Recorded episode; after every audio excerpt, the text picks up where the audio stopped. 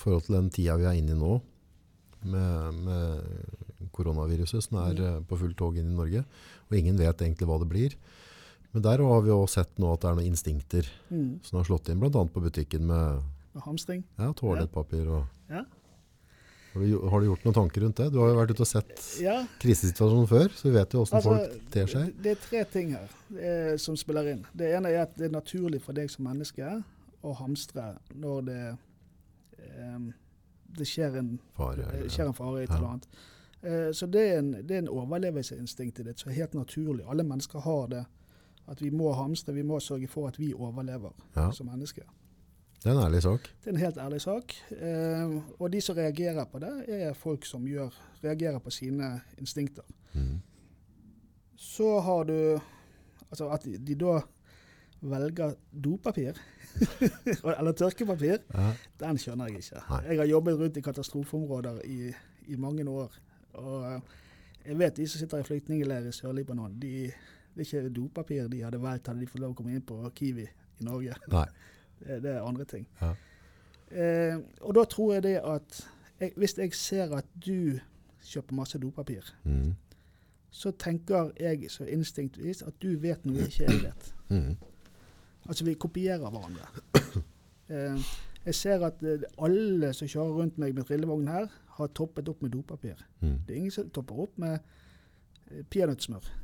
Eh, men, men, men de topper opp med, med dopapir. Så jeg- her er det noe de vet som ikke jeg vet. Derfor må jeg òg kjøpe masse dopapir. Mm. Eh, og det tredje er jo at det utlyser en, en tillitssvikt til myndighetene.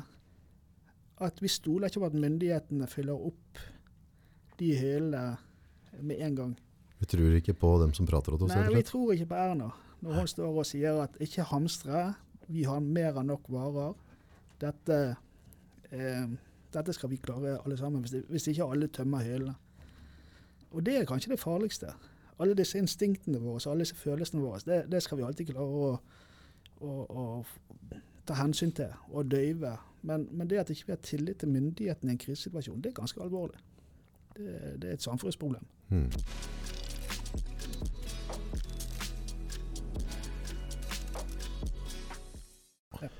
Tre, to, én.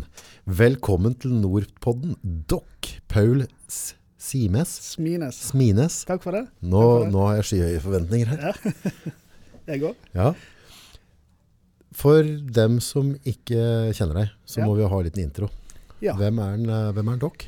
Eh, jeg er bergenser, som sikkert de fleste plukker opp med en gang. Ja. Eh, bor i Bergen, eh, men flytter nå snart til Brumunddal, Oh. er planen. Eh, ja, jeg er 52 år blitt. Jeg jobber innen Jeg er foredragsholder, Mhm. eh, der jeg holder foredrag om mitt liv og menns psykiske helse og menns følelsesliv. Mm. Eh, har bakgrunn fra Forsvaret, beredskap, ambulanse, eh, livvakt har jeg jobbet som. Mm. Ja. Og så holder jeg på nå å skrive bok om menns følelsesliv. Følelser, vet du. Da, da, da kommer du og prater med han i Nordpodden, han som er så god Ja, på ja. følelser. Det er riktig. Hvordan starta livet ditt, dere? Altså, du har jo du har, altså, i, I det voksne liv så har du vært Mm. ute i strid. Du har, Ja. altså, du har, du har vært uh, utenlands. Mm. Uh, du har fått sett og oppleve ting som, uh, som folk kanskje skal slippe å få lov til å Mm. se og oppleve, egentlig. Men du, du har vært i mye rare situasjoner. Ja. Hvordan var oppbygginga ditt? Hvordan starta du som unge? Så unge så er jo jeg født eh, midt i Bergen sentrum. Ja. Eh, For de som er kjent i Bergen, så er jeg født i Marken, på en, noe som heter eh, Tinntallerken i Marken. Og hadde nok, sånn som mange tror jeg på den tiden, et vanlig liv. Og det betyr for meg at jeg hadde en eldre søster. Så hadde jeg en mor som jobbet i kommunen, og så en far som reiste til sjøs. Eh, min far var da alkoholiker. Mhm. Eh, Så jeg, det, har- det har jo preget min oppvekst veldig. At Sånn. han eh, drakk mye og Flat on dritings, liksom, og Ja. banke unger og Ja, han bankte ikke oss unger. Nei. Det gjorde han ikke. Men, eh, men det var sånn når du kom hjem fra skolen, så visste ikke du om han lå på gulvet og sov, eller om han var edru. Eh, og det var mye alkohol. Mye alkohol. Ja. så jeg har jo også dysleksi, så jeg Mm. ble jo en sånn klovn eh, når jeg vokste opp. Jeg var, jeg var vel den første på skolen som fikk lov å jobbe en dag i uken uten å, uten å gå på skole. Sier du at folk med dysleksi er klovner? Nei, men jeg tror vi tar den rollen. jeg tror vi tar veldig fort den rollen å være klovn i klassen. Oh, wow. Eh, ja, for det, vi, jeg fikk jo ikke den diagnosen dysleksi før jeg gikk i 9. klasse. Jeg fikk mye kjeft for at jeg ikke kunne skrive riktig. Mhm. Og eh, da ble det til at du istedenfor prøve, så eh, fikk du respons på klovnerier istedenfor. Mm. Og var nok en urokråke som gjorde at de måtte jobbe for lønn, disse lærerne. Det tror jeg nok. Mm. Mye ute og slåss. Og mye, jeg begynte å drikke når jeg var 14, røyke når jeg var 13. Og var nok en sånn eh, 20-gutt, eh, vil jeg si. Eh, så for meg ble også drømmen om å bli leiesoldat Det var den som var liksom den store drømmen for meg. For at jeg hadde et inntrykk av å være leiesoldat. eh, da reddet du mennesker. Mm. Så Og litt adrenalin. litt adrenalin. Eh, så jeg eh, I hele oppveksten min så var det å leke med soldater det var liksom det store. Jeg tok med meg eh, levende ammunisjon i sjette klasse på skolen og, og var liksom veldig fokus på å bli soldat. Eh, så når jeg fikk muligheten da til å reise til Libanon i 88, etter førstegangstjenesten, så hoppet jeg veldig fort på den muligheten. Jeg reiste til Sør-Libanon som sanitetsmann i en tropp. Og for første gang i mitt liv kanskje begynte å føle mestring. Ok. På Og- hvilken måte da? Jo, fordi at eh, der eh, løste jeg oppgaven som sanitetsmann. Jeg ble, fikk veldig til, altså Soldatene fikk tiltro til meg, at jeg gjorde en god jobb. Jeg, eh, Fikk en identitet? jeg fikk en identitet. Dokk? Som, ja, det var jo der jeg fikk navnet, kallenavnet Dokk. Ja. Det er jo sanitetsmann i troppen. Ja. Og det er jo sånn at det, jeg tror nok det er flere som kjenner meg i dag som Dokken, som vet at jeg heter Paul. Ja. Og det er jo litt sånn rart. Men det ble identiteten min. Eh, og så da når jeg kom hjem fra Libanon, så var det veldig med en gang at jeg skulle reise ut igjen. Så jeg reiste ut igjen da i 1990. Mhm. Ti dager etter min første sønn ble født, så valgte jeg da å reise til Libanon igjen. Ja. Eh, og det var liksom Det var det livet jeg ville leve. Det å være soldat i utlandet. Og mestre og prestere og hjelpe andre. Og så For meg ble Libanon en ny verden for meg, istedenfor å være hjemme og være dårlig eh, Altså, jeg jobbet som dørvakt og, og sånne ting. Hadde ikke noe særlig yrke. Og så kom jeg ut og få et yrke. Det var, det var utrolig viktig for meg. Tror du det skjer et eller annet sånn spesielt sånn med tanke på dysleksi og, og skolegang, og så får du plutselig eh, en nickname, du blir doc, du blir en identitet, du Mm. blir eh, the go-to guy, han Ja. som bare mestrer, Ja. kjører maskin. Blir det sånn at du, for du la jo vekt på det at du valgte Mm. å dra ned ti dager etterpå, Ja. men hadde allerede da det dokk satt seg litt i kroppen? din? Ja, jeg tror det. Jeg. Altså, jeg elsker jo å Og det lærte jeg meg veldig tidlig, at jeg elsker å hjelpe andre som eh, trenger hjelp. Mm. Kanskje det har, en psykolog ville sagt det har sammenheng med å vokse opp med en far som alkoholiker. At du har lyst til å, å, å være den som, som bidrar. Eh, men jeg så jo det når jeg kunne være der ute med folk som hadde det verre enn oss i Norge. At jeg kunne bidra på en positiv måte. Mm. Eh, og det, det, det ble den identiteten min. Eh, og kanskje det er det ennå, mm. eh, på stort og smått. Og jeg eh, eh, Grunnen til at jeg valgte kanskje å reise ut med en gang jeg ble far, det var vel at det livet jeg hadde hjemme, det var ikke så godt som det livet jeg hadde ute. Mhm. Eh, og jeg kjente også på det adrenalinrushet. Eh, jeg husker eh, da jeg kom ned igjen til Libanon, så hadde vi en episode der vi var tatt under ild. Det skjedde mye, masse granater som smalt, i, smalt eh, rundt oss. Og jeg husker jeg lå og smilte til sidemannen og tenkte nå er jeg her igjen.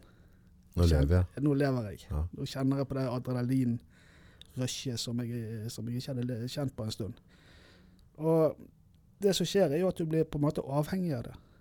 Du får noe som heter adrenalinjunkie, som det Mm, heter. mm. De, rusmisbrukere snakker om sin rus, men det, du får også en rus av å, å kjenne på at nå er du helt på kanten av livet. Mm. Tror du det at den avhengigheten En ting er den adrenalin, men tror du kan, at det er mynta litt på det at du du er i en situasjon som er så ekstrem, så hvis du velger nå å ikke gjøre de riktige handlingene, Mm. så er det slutten på det livet her. Ja. Og, og ligge og føle på den mestringsfølelsen, Mm. og klare å ha nervene i sjekk, fortsatt på en måte produsere, gjøre det som er riktig, klare å ta kalkulerte avgjørelser, selv om alt er liksom mayhem rundt deg. Og det, er jo- og det er jo så utrolig deilig følelse. Mm. Mestringsfølelsen du får det. Altså, jeg har smilt i de verste situasjoner, så jeg har smilt fordi jeg har så god følelse inni meg. Mm. Du får den roen. Du, du får den du, Så du sier du vet at gjør ikke de riktige valgene nå, så dør jeg. Mm. Når du går gjennom et minefelt og du vet at trakker jeg feil nå, så dør jeg. Mm. Den er utrolig god. Mm. Eh, og den er utrolig farlig. Mm. For det er det som blir på en måte den jaget. Den spenningen hele tiden. Ja, for det har liksom der, på en måte, du, du sitter, Si at du sitter i leiren, og du vet at du skal ut i minefeltet. Mm. Eh, Du begynner å bli løs i magen, du kjenner litt på det. Setter deg i bilen og kjører, og så merker du at nå har vi kommet så langt. Så no return. Mm. Og så kommer den kjølige, kalde, kalkulerte Ja. dokken fram. Ja. Og så får den jobben gjort. Ja.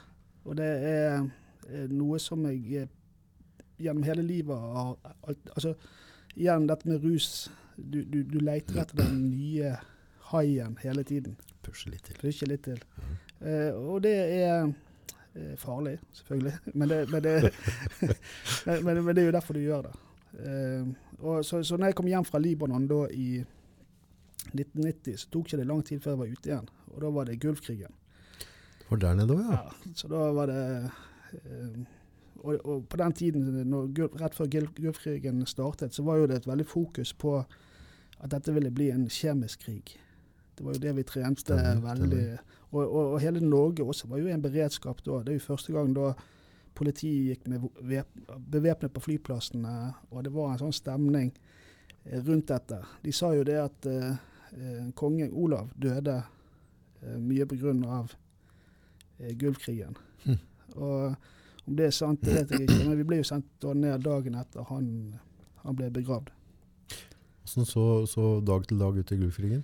Eh, vi kom jo ned der eh, igjen, og det var jo en ny verden igjen. Istedenfor å være alene sanitetsmann i en infanteritropp som jeg var i Libanon, så skulle jeg være på et feltsykehus sammen med masse andre helsepersonell. Ja. Eh, vi bodde i telt ute i sanden, og eh, store deler av sykehuset var også i telt. Eh, men jeg må jo si at vi gjorde en utrolig fantastisk jobb. Det var sånn Mesh-sykehus med alle mulige karakterene som du ser i den serien. Galgenhumor og alt var på plass? Ja, ikke for, altså leger som gikk i hawaiiskjorter og var dyktige. Og det, det, det var en fin gjeng som reiste ned der. Men det å bo ute i ørkenen, åssen er liksom uh, lukten, temperaturen på morgenen? Altså, hvis du, jeg regner med at du har en del sånn sanser og inntrykk Ja. uh, som setter seg med litt ekstreme situasjoner. Altså, altså det, det, det som var så rart der, er jo at den norske hæren, når de skal ut i tjeneste, så reiser de ut ifra det, på den tiden i hvert fall, hva temperatur og hva kalenderen sier. Ja. Så vi jo, eller vi landet jo i Saudi-Arabia, i varmen der, med vinterklær, vinteruniform. Vi hadde med oss eh, skitupper. og teltene våre var jo da disse tjukke, tunge teltene, eh, lagsteltene. Ja. Så vi var jo ikke forberedt på å havne i en, vinter, eller en sommerkrig i ørkenen. Det var vi ikke. Eh, det tok jo lang tid før vi fikk eh, sommeruniformer. Så, så det var jo en påkjenning bare det å reise ned i varmen der. Eh, det må jeg si. Eh, men så er det det at du, altså, du tilpasser deg veldig fort. Eh, det var jo veldig usikkerhet i hele krigen her nede. Men krigen gikk jo over på 100 timer. Selve krigen var jo over på 100 timer. Eh, men det var veldig mye oljebranner. Så, Ja. så vi var jo eh, plaget av olje, oljerøyk Ja. av den, eh, ja, de brannene som ble satt i gang der nede. Og eh, altså, Vår jobb var å støtte engelskmennene primært, men vi hadde også en krigsfanger som vi behandlet. Og det Hva var typiske skader du fikk inn? eh, Altså På krigs, eh, krigsfangene så var det skudd i bein. Skudd i beinet. Ja, og det var gjerne at offiserene deres hadde skutt i beina når de lå på, på fronten her, og så stakk offiserene av, og så måtte de me- menige da ligge og forsvare seg. Det var det som var tanken. Som skjøt dem i beinet for at de ikke skulle rømme? Ja. Og så stakk offiserene av istedenfor. Jævla drittsekker. Ja, det syns vi òg. Ja. Og det syns vel de krigsfangene vi hadde òg, Ja. at eh, de kanskje var Men eh, det var liksom Så det var kondomfødd, rett og slett? kado det. Ja. Og eh, vi kan, kunne jo ikke kommunisere så mye med dem, for de, var jo, de hadde jo ikke engelsk som som hovedspråk. Eh, men de, jeg tror de var veldig fornøyd med den hjelpen vi, vi, vi ga dem. Mm. tilførte dem. Eh, så når vi kom hjem fra Gulfkrigen, så var jo vi på mange måter helter. Det var Mm. liksom, Happy i, ending og i, I hvert fall i våre øyne. Eh, men vi ble jo fort glemt. Eh, Lenge var du der nede? fire måneder, tror jeg det var. Fire måneder. Ja. Så, så det ble jo en, en god innsats, mye å gjøre. Eh, men eh, når vi kom hjem igjen, så følte jeg vel at det sivile samfunnet ikke var så interessert i Da var krigen over. Ja. Det var liksom ferdig med det. Ja. Eh, og så eh, begynte jo da konflikten i, i tidligere Jugoslavia. Ja. Den begynte jo da i 1990, med, med, der Kroatia prøver å løsrive seg fra, fra Serbia. Så allerede våren 91 så var jeg reiste ned med en ambulanseavdeling til, til Kroatia. Ganske tett på utreisen dine. Veldig tett. Ja, det Det var ikke mye pust imellom der. nei. Klarte du ikke å holde deg hjemme? Eh, nei, til mer jeg reiste ut, til mer fremmed ble det å være hjemme for meg. Eh, det å gå i, da, i civilt, eh, altså i selskap, familieselskap, og snakke om vanlige ting som vi er opptatt av å være hjemme, det ble liksom litt vanskelig for meg. Det ble ikke relevant. Det ble ikke relevant, det ble kjedelig. Ja. Eh, og også de jobbene jeg klarte å få her hjemme, ble kjedelige i forhold til det å være soldat i utlandet. Mm.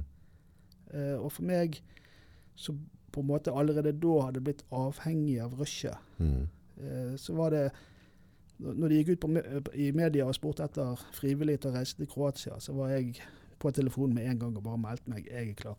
Ja. Hun som jeg bodde sammen med Hvor lang tid gikk det fra du ringte til du reiste? tre uker. Tre uker. Ja, var, altså, det gikk ikke mer enn et par dager før du var på, på Østlandet eh, på opptreningsperiode. Og så gikk det noen uker der, og så ble du sendt ned. Ja. Så det gikk veldig fort. Og hun jeg bodde sammen med, da, hun ville jo ikke at jeg skulle reise. Nei, jeg. Eh, men for meg så ble det også en flukt å kunne reise ut, istedenfor å være her hjemme og ikke føle at jeg hadde noe, noe å tilby Mm. eh, her hjemme. Og da eh, havnet jeg sammen med en som bor i Moelv, faktisk. Eh, Rune Nordahl. Vi, eh, alle som reiste ned, var jo erfarne Mm. Soldater og ambulansepersonell og, og sånt. Og eh, så meg og han eh, kjørte rundt da, i ambulanse i sektor nord, som det het. Mhm. Og for de som ikke kjenner sektor nord, eller husker historien, altså i Vukovar, som var en eh, by som var i vårt område, der gikk eh, serberne inn og så skjøt de folk i sykesenger eh, for å drive med etnisk rensing. Eh, Altså i samme, altså samme som, uh, som nazister gjorde? ja, Etnisk rensing. Men- Dette er liksom, den, den krigen der, Mm, det, uh, jeg synes det er veldig, veldig lite historie rundt det. mm. Lært veldig lite på skolen om det. Altså, Ja. uh, forklar litt for meg, hva, hva, hva skjedde der nede, og hvordan, hvordan startet det der? Ja, altså det ditt syn, jo, altså, For å dra det langt, så startet jo dette under annen verdenskrig. Okay. Altså Disse landene ble samlet da Etter at de ble frigjort fra eh, tysk okkupasjon, så ble de samlet under eh, kommunistisk regime. Ja. Og da var det Tito, president Tito, han samlet eh, disse landene under en ny paraply som het Jugoslavia. Mhm. Og der, inni der lå Kroatia, Bosnia, Serbia, Montenegro, Makedonia Og så har jeg sikkert glemt en. Ja. Det var iallfall flere land som Ja. var eh, Men det var ikke klart det var så mange land under det? Jo, jo, det var mange, jeg tror det var eh, syv land, kanskje, okay. som- ble samlet eh, under paraplyen Jugoslavia. Ja. Eh, og han sa det at eh, OK, det vi gjør da, er at vi, i hver presidentperiode så er det en president Det går på rundgang. Altså eh, en periode som er Kroatia, neste periode er Bosnia, og Serbia og Makedonia og sånne ting. Og det gjorde at eh, han klarte å holde dette gående, dette fellesskapet gående, eh, helt til han døde. Da begynte dette å sprekke opp. Og kroaterne, som hadde vært da tyskervennlige, mm. de mente at uh, hvorfor skal de produsere pengene og sende til Serbia? Når Serbia ikke ville gi fra seg presidentmakten, så, for de nektet plutselig å, å sende det på rundgang igjen. Mm. Så da ville de frigjøre seg. Dette er jo da i forbindelse med Berlinmurens fall og hele For de som er interessert, kan, Ganske- kan jo lese om Ja, det er en ganske anspent situasjon i Europa der. Ja, og det er en veldig spennende del av historien i Europa, syns jeg. Men i hvert fall så ville da, eh, sånn som Kroatia, de ville skilles ut eh, og bli selvstendige igjen. Og det ville jo ikke Serbia godta. For de så jo at dette kunne bli en sånn dominoeffekt, at de andre landene også ville da eh, gå ut av det samarbeidet. Så da nekta de. Så da nektet de det, og da ble det en væpnet konflikt. Og den begynte da i sektor nord i Kraina-området Mhm. i 1990 eh, med at eh, de begynte å skyte på hverandre. Kroatiske soldater og serbiske soldater. Og eh, det gikk veldig fort over til, til etnisk rensing, der kroatiske soldater drepte sivile serbiske, og omvendt. Altså serberne drepte kroatiske Etter henrettelser. Ja, rett og slett henrettelser. Altså Dro de ut i gaten og skjøt de der. 100 stykk, 10 000 stykk. Ja. Altså, Hev de i elver og skjøt de. Altså sånn som vi ser altså på gjennom tusentalls. Ja. Ja. Sånn som vi ser, kan du si, ble gjort under annen verdenskrig. Mm. De hadde jo også etter hvert eh, konsentrasjonsleirer der de puttet eh, krigsfanger inn og sultet de. Sulta dem i hjel, eller bare Ja. sulta dem? Det var mange som ble, som sultet, ble sultet i hjel. Eh, voldtekt var et våpen som ble brukt aktivt i den krigen. For Eh, å forplante seg med Eller hva var for å Nei, knekke psyken? Altså, etter hvert så ble jo Bosnia involvert i dette òg. Og Bosnia jo, eh, har jo en stor muslimsk befolkning. Mm. Eh, og hvis du da voldtar en muslimsk jente, så vil jo det påføre en skam som gjør at hun også blir kastet ut av familien. Så det er jo sånn psykisk terror. Med å voldta, og, og voldtekt i krig er jo et kjent våpen for å knekke den eh, psykiske eh, Skape frykt og Skape ødelegge frykt ja. og ødelegge, ødelegge familier. Eh, og mange av disse som ble voldtatt, fikk jo barn. Så, så det, det går liksom i generasjoner, da. Med sånn skam og, og utenforskap for de, de som, som er der nede i dag. Det blir Også. som tyskertøsten i Norge, da, på en måte. Ja. Altså, det var ikke Ja. voldtekt, kanskje, men det er igjen den skammen etterpå. Ja. Det er veldig skambelagt, det, det som skjedde der nede. eh, Mye. Og, og Norge har jo vært flink å, å ha- bygge opp sånne hjem for voldtatte mødre med barn. Sånn Mm. at de kan i hvert fall flykte inn der. Mm. Men, men så det ble en, på, en eh, en veldig fort en veldig skitten krig, eh, kan du si. Med, med utrenskinger, med tortur, med drap, eh, bevisste drap på sivile. Altså i Sarajevo, der eh, de skjøt Snikskytterne lå og skjøt på sivile. Bare for å drive de ut av Bare lå og skjøt på dem. De lå bare og skjøt på dem. Slo de i vannkø. Kvinner, barn. Kvinner, barn, eh, sivile, altså som ikke hadde noe med kamphandlingen å gjøre. De ble bare drept. Eh, og det er for å skape den frykten. At eh, du kan gjerne flykte, men du får ikke ta, altså, landet skal vi ha. Eh, og det blir jo Vi kom ned der og skulle være ambulansepersonell på fronten der. Mm. Eh, og vi var jo ambulansepersonell primært for eh, FN Mm. så ble det litt eh, eh, Altså, vi så jo ting som ikke vi gjerne skal se, Mm. det må jeg si. Eh, og vi opplevde jo at det var så brutalitet som, som vi plutselig måtte forholde oss til, som, som ikke du var forberedt på. Og for eksempel. Nei, det å se barn, eller folk ble skutt eh, i gatene, eller folk ble fordrevne fra sine hjem, eh, som ikke vi kunne gripe inn i.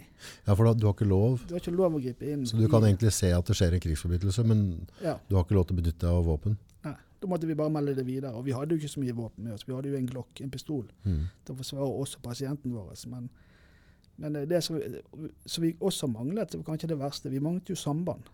Vi hadde jo ikke samband med oss. Hadde ikke samband? Nei, Seriøst? Nei, det er helt seriøst. I ambulansene så hadde ikke vi samband. Vi hadde nederlandske soldater som skulle drive sambandet for oss.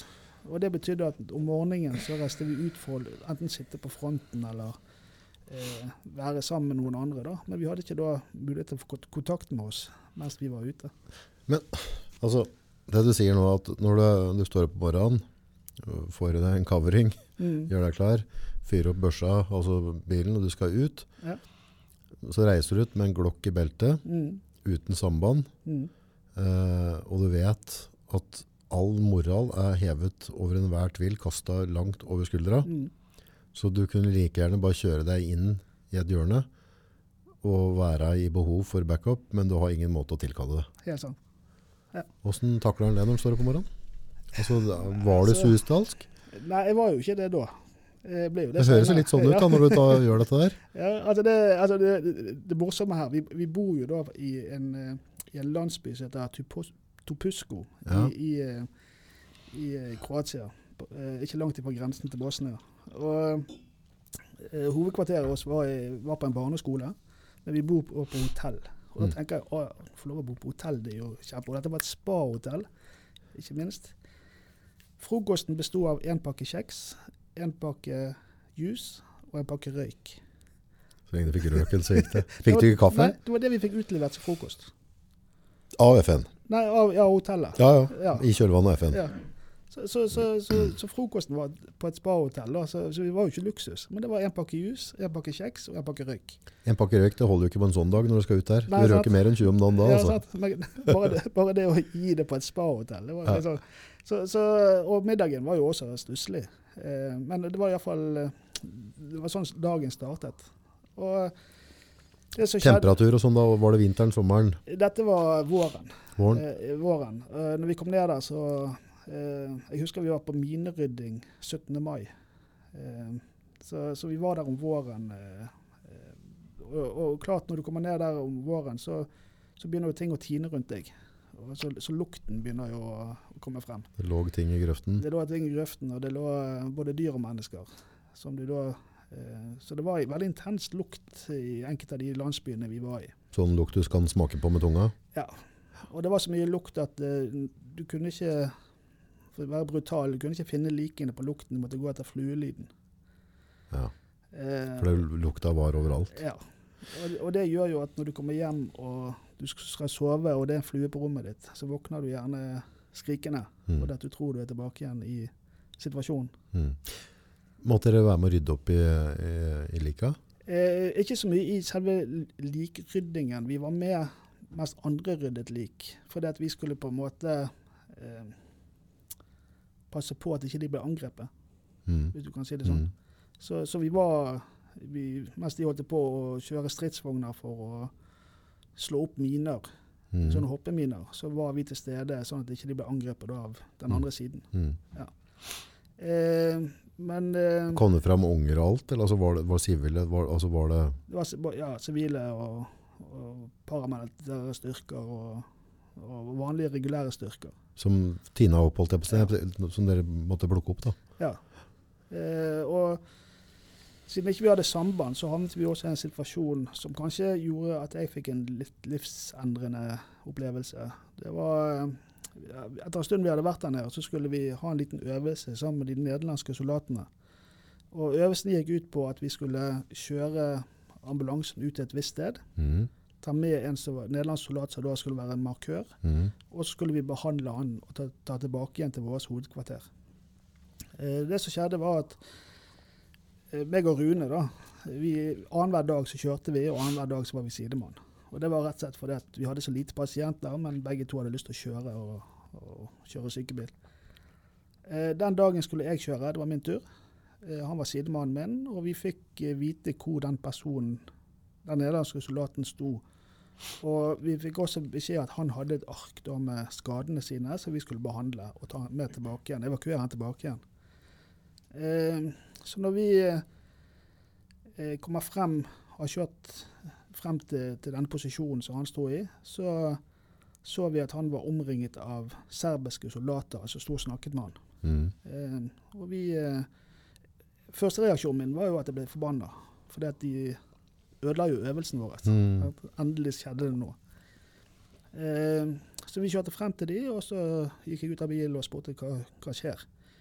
Og da får jeg beskjed at han skal Han var arrestert, for han hadde tatt bilder av de, så han eh, skulle være med de. Og da sier jeg nei, det skal han ikke. Han eh, skal være med meg. Mm.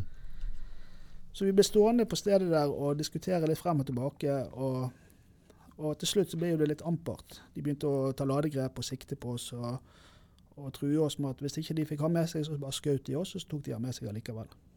Så da tok jeg en eh, liten avgjørelse på at vi tar ham med i sykebilen, og så følger vi etter dere der dere skal, vil at vi skal være. Mm. Men vi skal være med. Mm. Så Jeg hopper inn eh, bak rattet på sykebilen min. Jeg får en serbisk eh, soldat ved siden av meg som vakt. Så hører jeg at de lesser inn eh, bak i sykebilen, men det kunne ikke jeg se hvem som var der. Men jeg hører de klatrer og kjenner at de klatrer inn i sykebilen. Og så smeller de igjen døren, og så begynner de å kjøre. Altså de som er foran oss, sånn at vi bare følger på. Mm. Så det jeg trodde, var jo at Rune var hoppet inn bak i sykebilen. Mm. Og han vakten ved siden av meg trodde også at han var hoppet inn i sykebilen. Men det han hadde gjort, det var å stå på utsiden og lukke igjen døren. Og så hoppet han ned i en grøft for å gjemme seg. Ja. Og hadde ikke han gjort det, så er ikke sikkert at vi hadde kommet oss helskinnet gjennom den dagen. For da er det ingen som kunne spore at det ikke ble tatt? Ja. Så, så han de, måtte jo da vente til vi hadde kjørt, og så begynte han å løpe langs veien for å komme tilbake til hovedkvarteret vårt for å melde fra at vi var tatt. Så i mellomtiden mens han gjør det, så kjører vi ned til en landsby, og dette er jo en landsby som da eh, ligger nærmt fronten. Han er veldig preget av, av krigen. Eh, vi ble ført inn i en bygning som er en offentlig bygning, men eh, et rådhus. Stort, liksom? Ja, ganske stort. Eh, kom inn i en resepsjon nede. Og Der jeg får beskjed om å sitte i resepsjonen og vente. Og han nederlandske soldaten han ble ført opp i andre etasje. Avhøres? Avhøres. Eh, og jeg ble jo sittende der. Jeg begynte å spørre om hvor Rune var. Jeg begynte å lete etter han litt. Grann. Han var jo vekke. Og ble litt bekymret for at ikke jeg hadde kontakt med han plutselig. Eh, og det gikk altså Tidsaspektet her er jo litt vanskelig å si, men det gikk en time. Så, så kommer de ned og så sier jeg at jeg skal på avhør. Men de skal ha pistolen min. Jeg hadde jo en Glock. Mm. Så sier han nei, det, det skjer ikke. Får ikke noen pistol av meg. Den er min, den er mitt våpen. Eh, så vi sto der og diskuterte litt. Jeg tok frem da eh, kort jeg hadde fra FN, eh, og kort, et sånt sanitetskort så, med Genévekonvensjonen på, da, som Mm. viser at de kan ikke De har ikke lov til å pågripe det? de har ikke lov å pågripe meg og ikke avvæpne meg. Eh, da ble jeg slått ned første gangen.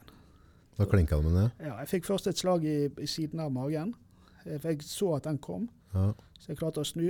Eh, og så mens jeg da ramlet ned kan du si, i, i sofaen der, så fikk jeg et slag bak øret. Eh, og da tok de våpenet fra meg.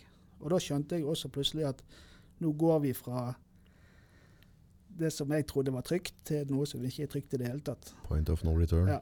Eh, jeg ble dratt med opp i andre etasje. Kommer inn i et svært konferanserom der jeg sitter med Altså, det satt en stor, fyldig politiperson, offiser, i enden sammen med en kvinnelig tolk. Eh, og jeg ender da på, på andre siden av bordet. Og de begynner å Altså, hun var den mest aggressive. Han var, okay. mer, han var mer den rolige som bare snakket eh, serbokroatisk. Men hun var veldig sint i måten hun fremstilte, altså oversatte disse tingene på. Du hadde en personlig agenda bak det hele? Det tror jeg. Ja. Eh, og var veldig tydelig på at eh, meg og han nederlandske soldaten skulle henrettes, for de ville ha FN ut av området. Eh, vi var spioner, og vi hadde ingenting der å gjøre. Og vi, altså vi var i, i veien for de.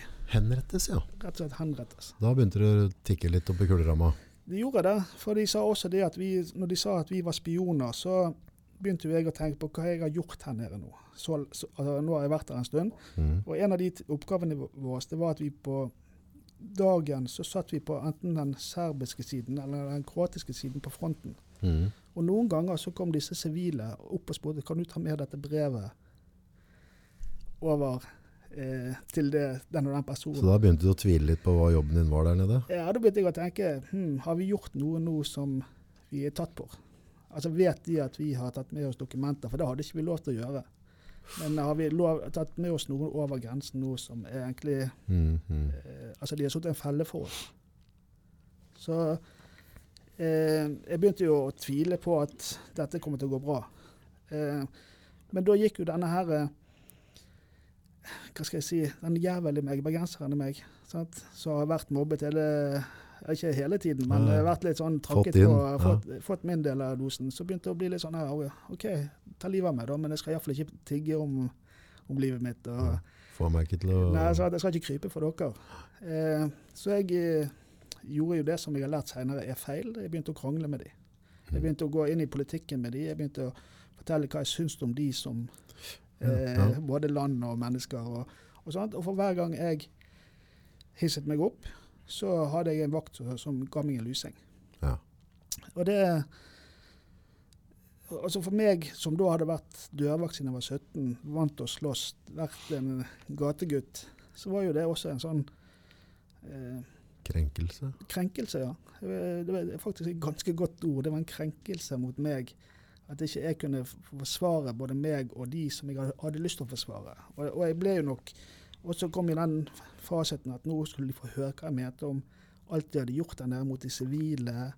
Altså, jeg ble veldig sånn Skulle ta ut litt. Ja, jeg, jeg, jeg tok ut alt. Ja. Eh, I manko på at du kunne slå tilbake. ja. Det blir en slags voldtekt du blir satt ut for. Da. Du blir satt i en situasjon Ja, der du er ja. forsvarsløs. Ja, eller kanskje en mental voldtekt Ja. på en eller annen måte. Og, og jeg eh, hadde rett og slett en krangel med hun damen. eh, Der jeg var hissig, og hun var hissig. Og jeg, jeg har sagt i etterkant at jeg tror nok Hadde det vært opp til hun, så hadde vi blitt skutt der og da. Hvor fort gikk dette her? Dette gikk utover formiddagen, ettermiddagen. Eh, jeg forlangte jo hele tiden å få lov å slippe fri og ta med han nederlandske soldaten. Og spurte etter han, jeg spurte etter Rune. Mm. Da fikk jeg ikke noe, noe tilbakemelding. Så for alt du visste, så hadde de nakka han på Ja. veien. Det, jeg skjønte ikke hvor han var, for jeg så jo han ikke mer. Eh, så utpå kveldingen der så eh, ble det faktisk litt sånn tumulter ute i gangen. Jeg hørte masse stemmer og litt sånn at, at det skjedde noe. Og da kom Når de åpnet døren, så så jeg våre offiserer stå ute i gangen der. Og da skjønte jeg at nå er vi i hvert fall litt nærmere på å komme fri. Eh, så da klarte de å forhandle oss ut. Eh, og jeg tror nok grunnen i etterkant til at ikke vi ble drept tidligere, det var nok at ikke han, sjefen var helt sikker på om han fikk lov, om han torde. Eh, Hva blir konsekvensen av å Ja. For han, er- han var jo militsleder. Altså, han hadde ikke så mye myndighet utenom i det området.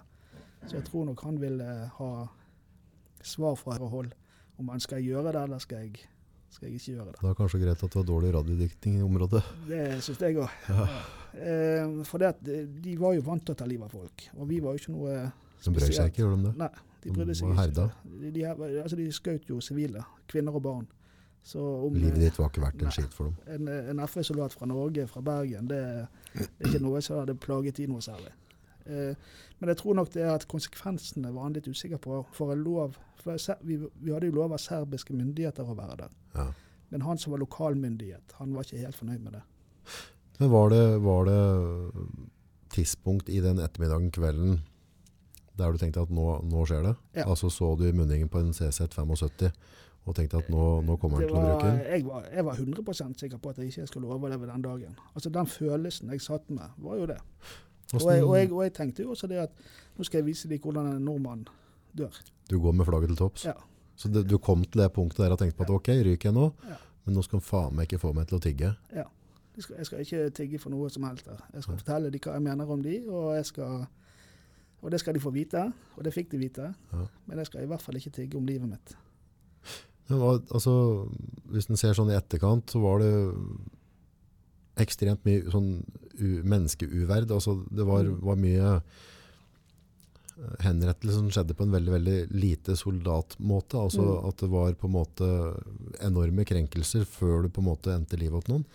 Hadde det i bakhuet at du skulle få virkelig Ja. blitt kjølehalt før de ga deg nådestøtte? Altså, jeg, sant, jeg hadde da erfaringen min fra Libanon og Gulfkrigen. Og Gulfkrigen var jo i veldig fokus på eh, Genévekonvensjonen. Mm. Og det var jo med bakgrunn i at eh, vi var redd at det skulle bli en storkonflikt med alle de muslimske landene mot de vestlige landene. Mm. Så vi hadde veldig fokus på å lære oss Genévekonvensjonen, eh, sånn at ikke vi gjorde feil og kunne Mm, bli tatt på mm. noe. Og så kommer jeg ned til Kroatia, der Genévekonvensjonen var en fremmedord. Mm. Sant? Eh, og der du virkelig fikk se brutaliteten og krigen sånn krig ikke skal være, men hvor skitten den kan være. Eh, og, og hele Jugoslavia-krigen var jo en skitten krig. Det var jo, det var jo For folk som ikke skjønner hva en skitten krig er. Ja, altså Du skyter eh, sivile i hodet bare fordi at du vil at de andre skal, sivile skal se det, sånn at de flykter. Bare for å skape en Bare for å situasjon. skape en situasjon.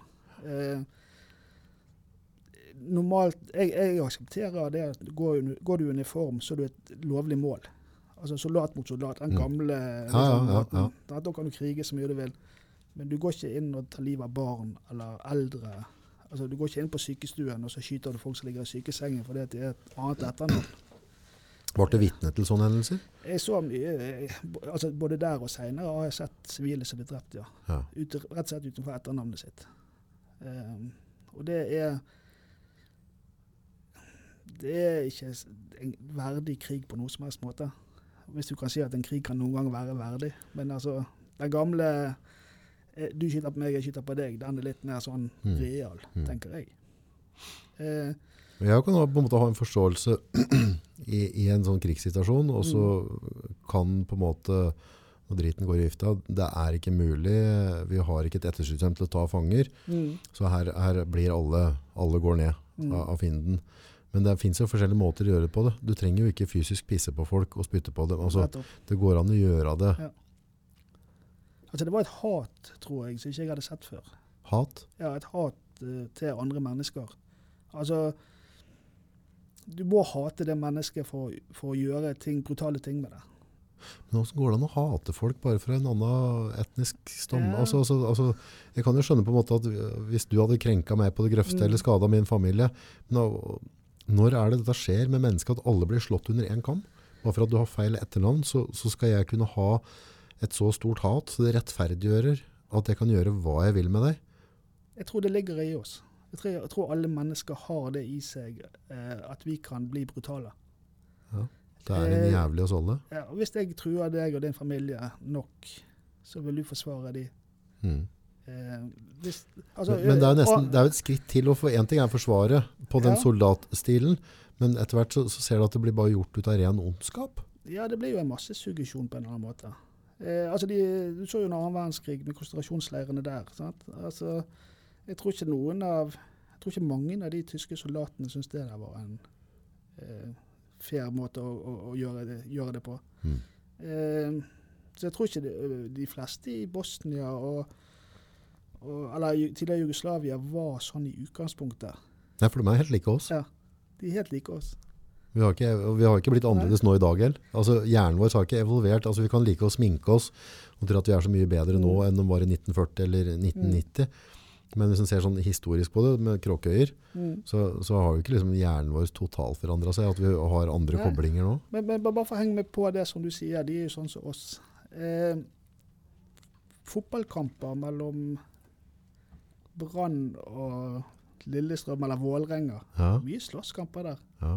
De er jo som oss. Sant? Altså, det er jo Oslo-Bergen eller Ja, ja, Bergen-Lillehammer. Ishockeykamper. ja. Hvor mye hat har ikke man mot eh, andre lag? Og da klarer vi å lage hat bare ut av en, en lek. Ja. Jeg tenker når det begynner å bli alvor, da. Når det begynner å bli alvor, så, så er det lett å det er lett å si at sånn kommer jeg aldri til å bli. Mm. Men det er jaggu meg lett å få folk til å bli sånn. Mm. Eh, og og det, det syns jeg er, er litt underkommunisert i samfunnet vårt. Mobbing, f.eks. Hva er det for noe? Ja, hva er det? Sånn? Mobbing er jo en eh, altså, et- Etter mitt syn er en naturlig atferd hos mennesker. Ja. Eh, og da, Grunnen til jeg mener det, er jo at jeg, jeg ser på hvordan vi er i dyrelivet. Mm. Altså Fugler hiver andre ut av redet. Eh, valper tar livet av den som er svakest. Ja. Det er en overlevelsesmekanisme som, som ligger naturlig i oss. Instinkter. Instinkter. Eh, og så kan vi si at ja, men det skal ikke vi ha i dagens samfunn. Nei, men da må vi lære de at ja, vi forstår at du har instinktene, men vi må lære deg en annen atferd. Og når vi snakker, bare for å gå helt over der, da, til Ja. dette med barn. Eh, mange eh, sier at ja, det barnet er uoppdragen. Mm. Det nekter å lye. Vi kjefter på et barn, og vi, vi, vi liker ikke det barnet, kanskje. Men hvis vi snur på det og sier at det barnet har alltid lyst til å gjøre rett, Mm. og det barnet gjør rett hvis det kan, da, da begynner vi å tenke "Hva- hvorfor gjør ikke det barnet rett når jeg Altså, det, det er uoppdraget. Det sitter ikke i Mm, ro, eller mm. det, det banner, eller gjør sånne ting. Så sier jeg men ok, kanskje det er språket som ikke er utviklet. Kanskje det sosiale interne som ikke er utviklet. Kanskje det er er konsekvens som ikke er utnyttet. Mm. Eh, Og alle vi mennesker når vi vokser opp, utvikler oss i, i vårt eget tempo. Så du kan ikke si at en fireåring er lik en annen fireåring. Det kan godt være det at en fireåring har et godt språk, men en fireåring har et dårlig språk. Ja. Så hvis du sier at et barn gjør rett når det kan, da, faller det litt tilbake på deg å lære det. Barnet gjør det riktig. Og da blir det lettere å se at et barn i utgangspunktet vil gjøre de riktige tingene. Eh, De gjør ikke ting bare på faenskap, for å si det sånn, Mm. sånn som vi sier i Bergen. Mm. Eh, og da tror jeg du får en annen også innstilling til hvordan barn hvordan du skal lære opp dette barnet til å gjøre de riktige tingene. Det blir litt mindre konfliktfylt, og heller litt mer på deg som, en lærer. Man blir litt som en frisør lærte meg for en tid tilbake at Husk på når du peker ute, så er det tre fingre som peker tilbake på deg sjøl. Alltid tre bakover. Eh, og peker på barnet, da, så er det tre som går tilbake til oss som foreldre. Ja. En, eh, jeg var jo hundefører i Forsvaret nå, og vi kalte det brukerfeil eller trenerfeil. Ja. At det det er vi som lærer opp barn til å gjøre de riktige tingene. Ja. Eh, Det er vi som eh, også velger ledere til å, å, å holde samfunnet vårt gående. Mm. Så hvis vi gjør feil i samfunnet, så må vi se hvem er det som har, har gjerne gjort de feile tingene. Og i, i, i Kroatia og Bosnia og, og sånne steder så var jo det gjerne eh, grupper av fotballsupportere som gikk ut og lagde eh, sånne militiagrupper. Å ja, for da var det grupperinger allerede? Eh, så var det grupperinger allerede. Og da gikk de ut og kriget. Eh, Med så- den gruppefellesskapet de hadde? Ja. så det Men litt innsagt å prate på de instinktene. mm, Um, forhold til den tida vi er inne i nå, med, med koronaviruset som er eh, på fullt tog inn i Norge, og ingen vet egentlig hva det blir. Men der har vi også sett nå at det er noen instinkter mm, som har slått inn, bl.a. på butikken med hamstring. ja, toalettpapir. Og, Ja.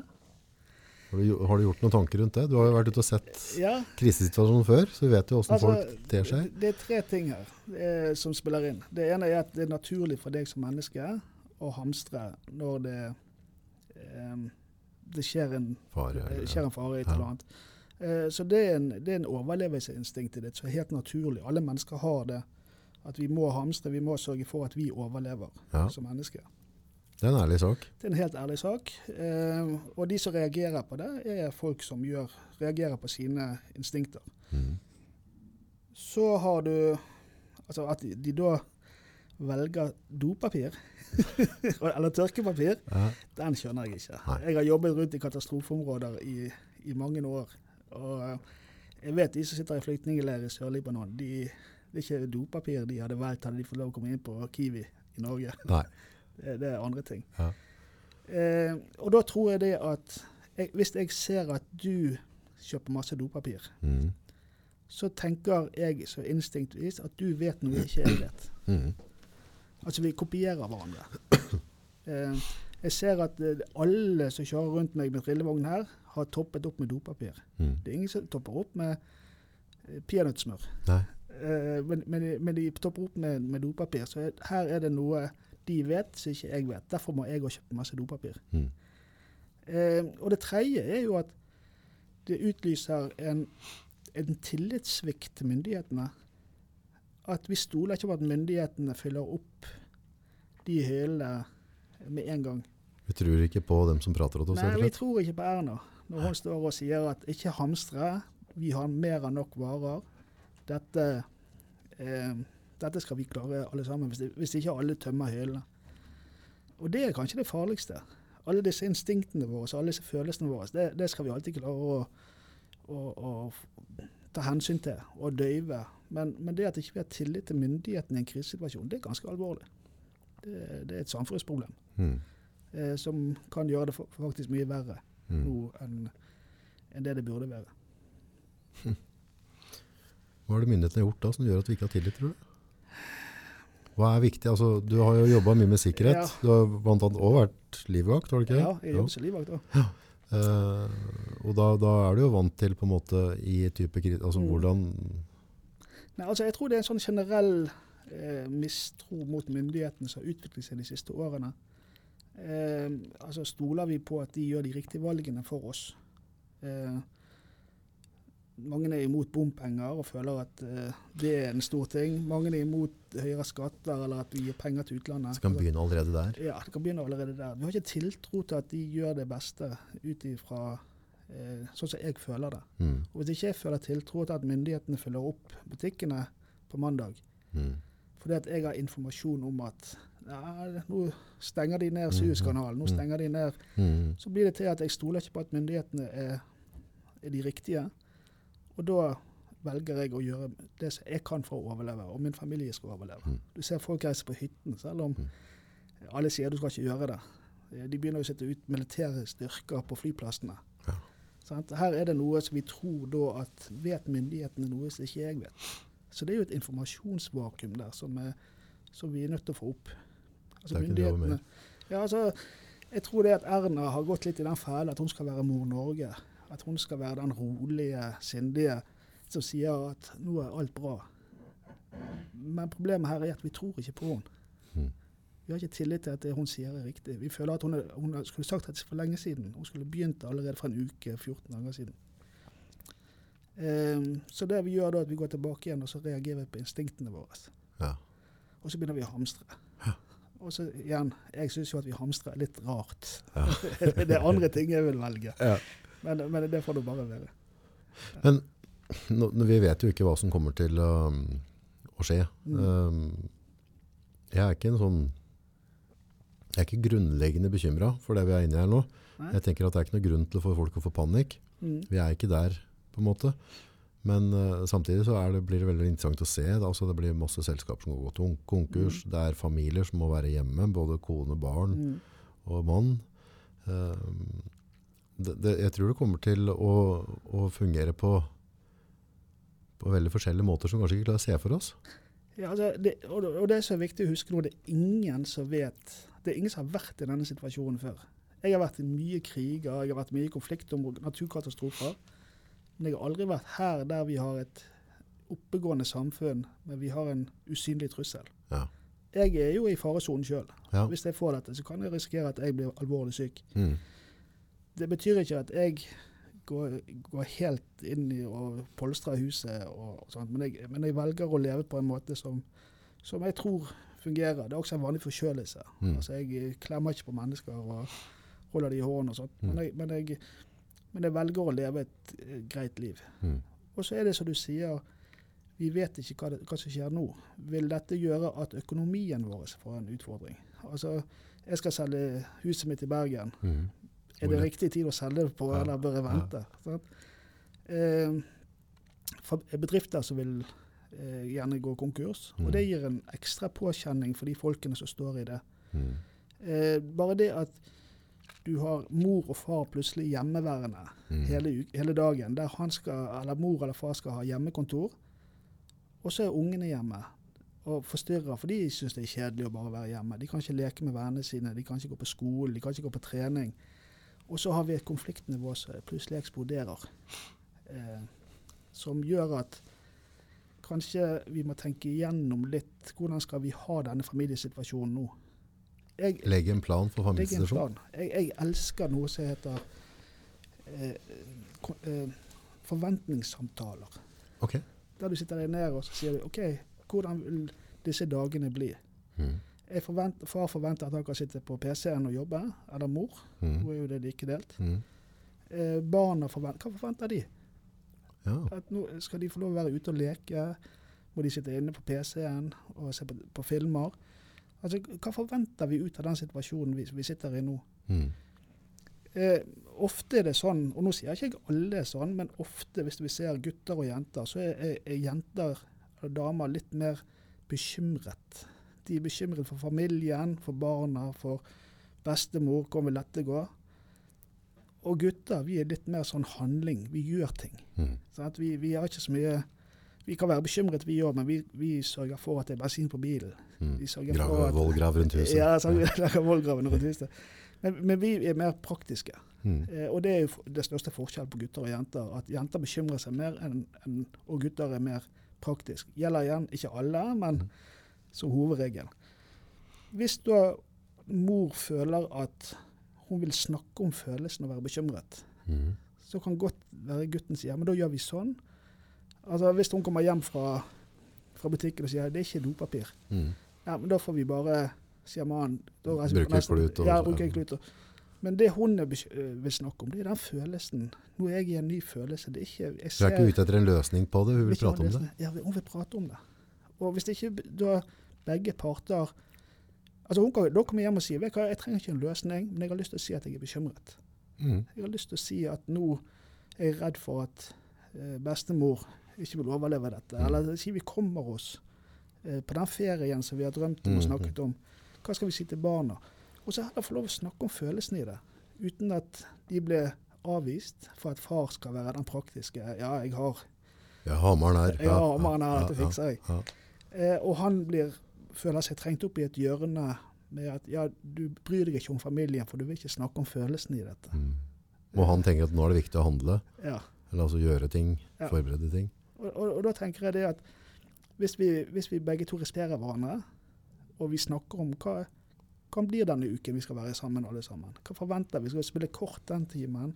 Skal vi gå på tur? Skal, vi, eh, skal ungene være bare på rommet og, og bli vanskelig, eller skal, skal, vi, skal vi løse denne oppgaven vi skal løse sammen? Så tror jeg det at ekteskap og familielivet kanskje har en mulighet til å overleve også etter denne krisen. Mm.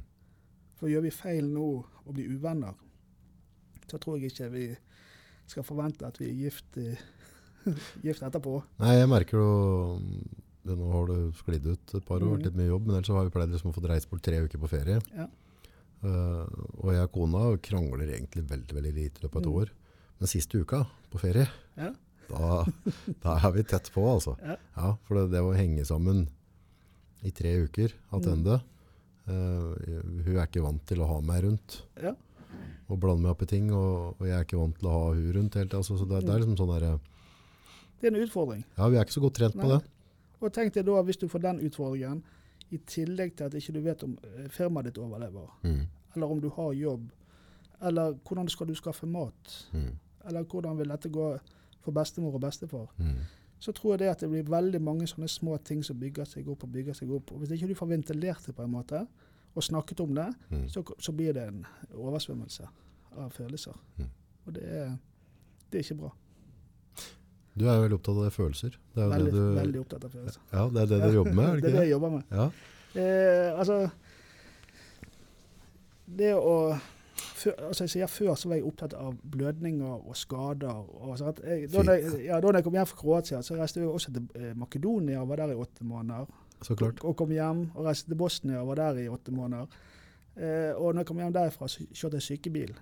Sant? Så jeg har alltid vært på den der eh, traumesiden. Elsker traumer. Elsker å ligge i regnfull natt nede i et bilvrak og prøve å redde liv. Ja. For, det, for det ga jo meg denne mestringsfølelsen igjen. Ja.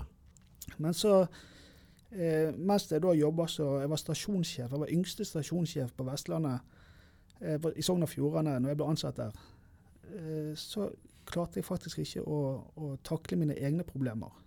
Eh, og det endte opp med at en kveld så prøver jeg å ta livet av meg. Ok. Eh, og våkna da på Haukeland sykehus i Bergen, der jeg For det første var jeg veldig skuffet.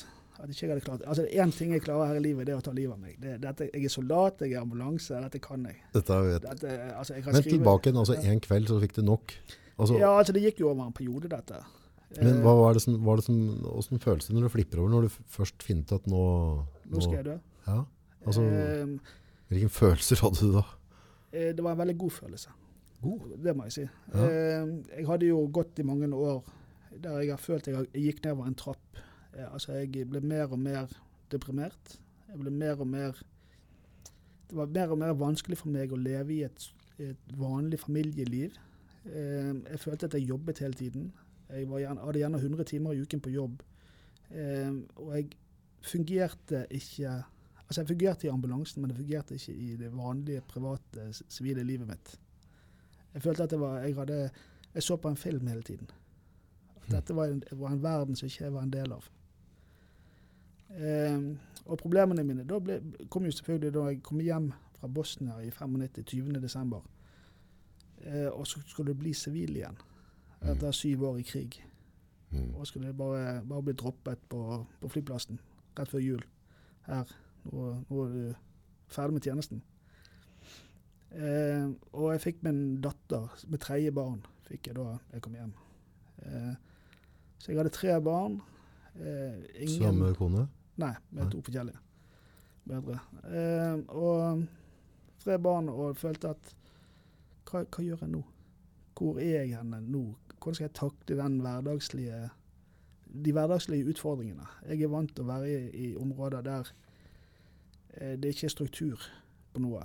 Og der jeg eh, går rundt bevæpnet hele tiden. Og nå kommer jeg plutselig hjem og skal være sivil. Jeg har ikke våpen, jeg har ikke, jeg har ikke beskyttelsen min. Sant? For det er noe med det, hvis du har hatt, hatt den på hofta, Ja. og så skal gi fra deg den. Ja. Det, Mer enn jeg, jeg tror mange er klar over.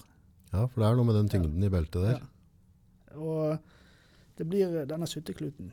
Du har våpnene dine, du har gutter rundt deg som vet hva de, hvordan de skal bruke våpen. Og plutselig står du alene, og så får du en utfordring. Da. Ja, hvordan gjør vi det når vi skal i barnehagen, vi har én bil? Hvordan løser vi denne utfordringen? Mm. Det blir sånn Hvorfor skal jeg ta stilling til det? Det er bare til å gjøre det. Mm. Mens de hjemme forventer at du skal ta, en, ta stilling til sånne hverdagsproblemer. Eh, og det, det gjorde at jeg eh, først, Det første jeg gjorde når jeg kom hjem, det var å bli instruktør eh, for oljearbeidere i praktisk sikkerhet. Og jeg syntes det var kjempespennende og veldig gøy jobb. Men så ble også privatlivet lidende. Altså Vi begynte å diskutere for mye, meg og min samboer på den tiden. Og så jeg bestemte ok, skal vi redde dette forholdet her, så må jeg skifte jobb igjen. Og så må vi flytte fra Bergen. Kanskje det vil gi oss en ny start. Sånn som mange menn da tenker praktisk. Hvis jeg bare flytter, så vil problemene bli liggende igjen hjemme, og jeg, vi kan begynne på en ny, ny, ny giv.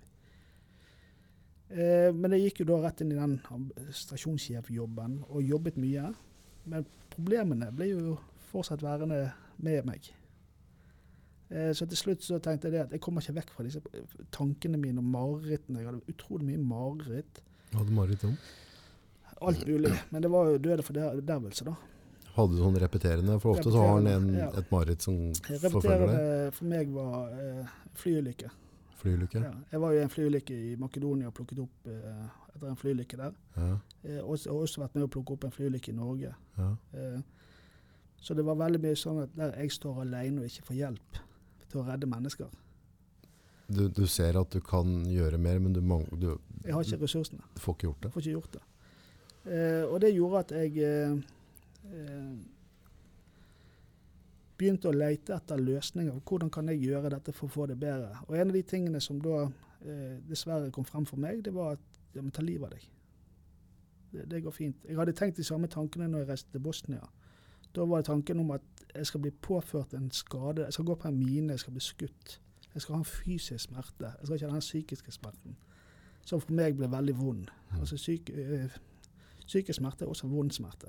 Det- Altså Fysisk smerte kan du forholde deg til, men psykisk smerte kan du ikke forholde deg Nei, til. Men han sitter seg som fysisk smerte i kroppen. Ja, han gjør det. Men det- du har ikke kontroll på den? Har ikke kontroll på den. For det sitter inni tankene dine. Eh, så da jeg reiste til Bosnia i 95, så var det egentlig med tanke om at her skal jeg dø. Gå med flagget til topps der Ja. nede. Og, og gjorde en del ting som kanskje jeg ikke satt meg litt som utsatt til. Og, og Dytta litt på konvolutten. ja, jeg tenkte det at hvis det smeller, så skal jeg ikke hive meg ned i grøften. Ja. Altså, jeg skal stå sånn at jeg kan, kanskje blir drept.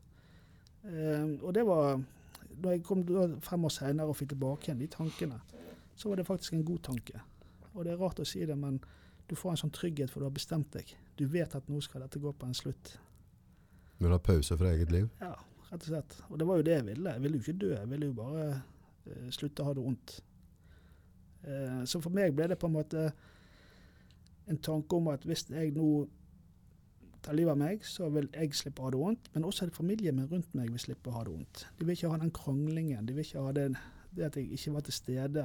Sant? Jeg torde jo ikke bli glad i barna mine de første årene. Fordi at jeg hadde sett så mange barn som ble drept, at jeg tenkte det at mm, hvis jeg blir glad i barna mine nå, så vil jeg bare kjenne på smerten når de ikke overlever. Mm. Så jeg måtte bruke lang tid og flere år på å bli glad, og tørre å bli glad i mine egne barn. Og det var en, det var en øvelse. For det letteste for meg hadde jo vært å bare ikke bli glad i dem. Mm. Bare, Så fikk du et barn som ikke overlevde òg. jeg gjorde det. Eh, det var jo noen år senere igjen. Eh, Altså etter, etter selvmordsforsøket så måtte jeg begynne å bygge livet mitt tilbake igjen. Og blant annet der ble jo jeg Hadde mye skam når du våkna opp dagen etterpå? Å ja. Eh, jeg, jeg våkna opp til da jeg mista jobben min. Jeg mista familien min, for hun sa at dette orker jeg ikke mer, jeg må redde meg sjøl og ungene. Eh, Var det flaut? ja, jeg mistet masse venner. Så det må huske på at dette, var eh, 2000. Sant? Det er jo 20 år siden nå. Som der, der liksom, Du må ikke snakke om selvmord, for det er skambelagt. Det er det verste du kan gjøre. Eh, og, så det ble på en måte Men samtidig så har du vært en fyr som har vært på toppen og Ja. hatt kontroll hele veien. Ja.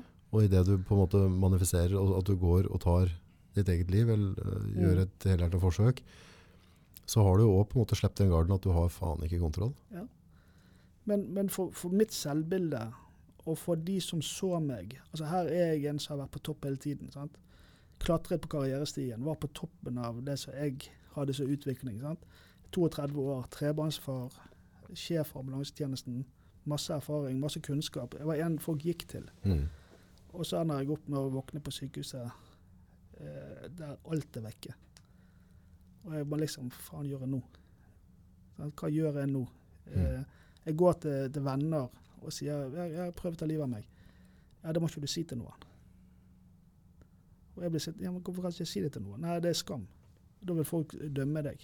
Sa de det, eller følte du at de, De kom til å si det? De sa det, Ja. rett ut. Eh, så jeg mistet en del venner på det. Jeg eh, mistet, men jeg mistet også veldig selvbilde. Jeg som har taklet alt før, hvorfor takler ikke jeg bare Du har stått midt i en krigsåd, du, mann. Ja. Og hvorfor takler ikke du da Hverdagen. hverdagen, som er det enkleste? Marshmallows og knekkebrød, liksom. Ja, sant. Skal vi ha på støvler eller joggesko i dag? Ja. Altså, det er der. Eh, og det eh, ble for meg også en sånn her eh, Hvem er jeg egentlig? Altså, jeg, eh, jeg hadde jo et selvbilde. Altså, jeg trodde jo om meg sjøl også at jeg var dyktig, at jeg tålte det meste. At jeg kunne takle hva du har på meg. Eh, og så står jeg her, og så takler ikke jeg mitt eget liv engang. Og det eh, Jeg måtte nesten begynne der. Jeg må begynne der med å finne ut er du glad i deg sjøl, eller er du, skal du rett og slett ta livet av deg sjøl igjen. Eh, så jeg brukte lang tid på å bestemme meg for at nå skal jeg klare dette. Eh, og det jeg gjorde, jeg, jeg gjorde det med sinne. Jeg ble forbanna. Mhm. Jeg slo i bordet og sa at dette går ikke. Og det som skjedde, var eh, rett og slett at jeg eh, skulle ha julaften 2003 skulle jeg ha barna mine på julaften. Mhm. Jeg hadde ingen penger. Eh, fordi at når jeg ble syk, så sier Nav og, og myndighetene at dette er et forsvarsproblem. Du er blitt skadet i Forsvaret. Men Forsvaret sier det at nei, du er sivil, så du må gå til det sivile helsevesenet. Så ingen av de ville jo ta i deg. Så når julaften kom, så hadde jeg rett og slett ikke penger. Jeg eh, hadde ikke penger til å skrive, altså til å gi barna mine gaver. Så det jeg gjør, det er at når de fikk en gave f.eks. fra mine foreldre, så skrev jeg pluss pappa på Mm. gavene. Mm. Sånn at de fikk fra mormor og far pluss pappa. Mhm. Eh, jeg hadde, for et nederlag. ja, sant, det var jo det. Jeg hadde ikke mat. Jeg hadde en frossen Findus fiskegrateng, eh, som ble julemiddagen det, det året. Og heldigvis så var barna så små at de spiste ikke opp alt sammen, så jeg kunne spise restene. Mm. Så den natten, eh, når jeg hadde lagt de Og de hadde ikke lagt merke til noe, tror jeg. Så jeg tror de hadde en fin opplevelse av julaften. Så lå jeg og grein i, i sengen og sa nå er det faen meg nok. Enten så tar jeg livet av meg en gang til, eller så kjemper jeg. Så dagen etterpå så var det å snørre på seg skoene og begynne å kjempe for å få tilbake livet sitt. Da kom soldaten frem igjen. Da kom soldaten frem. Nå, vi, nå går vi til krig. Så jeg begynte å undersøke hva kan jeg gjøre. Jeg fant ut veldig fort at det var ikke noe behandlingstilbud i Norge på den tiden. Eh, det var ikke noe økonomisk eh, eh, ting jeg kunne gjøre, sånn at jeg kunne få noe, noe økonomi ut av dette. Så jeg saksøker da staten. Mm. Eh, og eh, måtte gå da eh, altså jeg, jeg ringer Forsvaret og sier du, jeg har taushetsplikt. Kan jeg bli fritatt taushetsplikten? Nei, det kan du ikke. Ja, men hvis jeg da går til sak, ja da kjører vi sak mot deg. Og da sa jeg til dem jeg har ikke mat. Jeg har ingenting. Jeg eier ingenting. Hvis jeg havner i fengsel, så får jeg tre måltid for dagen. Så Mm. bare let's go. Bring it on. inviterte med meg NRK. De lagde en dokumentarfilm med meg og en annen soldat som heter 'Minnenes terror'. Og, eh, så vi bare kjø- kjørte på. Gikk rett eh, til rettssak. Eh, Et par dager dagen før eller par dager før vi skulle møte i Oslo tingrett, så ringer de og sier OK, vi gir oss, dere vinner. Så da ble det forlik på, på saken. Så jeg var da den første i Norge som vant sak mot staten på kompensasjon for, eh, for de skadene jeg har blitt påført. Og i dag så har jo det blitt en helt ny verden. Veteraner kan få kompensasjon for skader. Mm. Eh, jeg var med å starte en organisasjon som heter SIOPS, Skadde etter internasjonale operasjoner. Mm. Eh, som eh, Jeg var leder der de første årene, som i dag er en veldig dyktig organisasjon for eh, veteraner. Eh, og vi har jo fått disse her eh, eh, ja, handlingsplanen. Altså myndighetene går i, ut aktivt og, og lager et bedre system for veteraner. Jeg var eh, den som startet dette, disse kommunalplanene så, i- sammen med Bergen kommune. Så nå skal alle kommuner ha en egen plan for ivaretakelse av veteraner. Så. Så, så, det, så har, det har vært en lang vei å gå, men vi har kommet veldig mye lenger enn vi gjorde i 2000. Mm. Det, det, da var det ingenting. Og nå forsker de også på behandling av eh, altså soldater, altså de som har fått skader. Men så møter jeg da veggen igjen. Og det er jo Ny at eh, min sønn Jeg oppdager plutselig min sønn driver med narkotika. Og det Narkotika, sånn hasj eh, eller Nei, heroin. heroin? Han, eh, og det var jo en, en, et veldig stort sjokk. Ja, hadde han klart å gjøre dette bak ryggen deres, på en det, måte? det eller hadde han gjort. Eh, Jeg bodde jo ikke med han eldste sønnen min. Og jeg trodde at han eh, var som alle ungdommer. Han skulle inn i militæret. Han sa han skulle i Kystvakten, og han skulle jobbe som kokk i Kystvakten. Og jeg visste jo det at han ville jo ikke få noe jobb. Så jeg prøvde å skaffe det småjobber, og ga han sånn som fedre ofte gjør. Vi løser ting med penger. Vi gir dem mye penger, så de kan ha, holde det gående. Eh, men så oppdager jeg da eh, at han ble arrestert i Sverige for, eh, for smugling. Og da begynner tingene å, å lysne for meg. Jeg, jeg får vite en del ting som jeg ikke visste, var klar over. Eh, for det at han holdt seg vekke fra meg når han var ruset. Men eh, Så jeg, jeg, jeg trodde rett og slett ikke Og der kan du se, det er langt mellom liv og lære. Her Ja, men du jeg leter jo ikke etter sånn Nei, sant? eh, du, du, du tror jo ikke det om dine nære. Nei. Og hvem, hvem er det som Eh. går og, og ser på sitt kjære barn og tenker at uh, hun der eller han der driver med altså, det, ikke, Ja. det, det faller jo ikke inn. Nei, det gjør Og så har vi jo dette med taushetsplikter i Norge. Mm. Eh, så lenge barna er over 18 år, så får ikke du vite om de blir innlagt eller arrestert, eller eh, hvordan det går, hvis ikke de eh, gir beskjed til deg sjøl. Eh, så, så jeg eh, må si at det var et sjokk å oppleve at plutselig Oi, her er det en sønn driver med narkotika.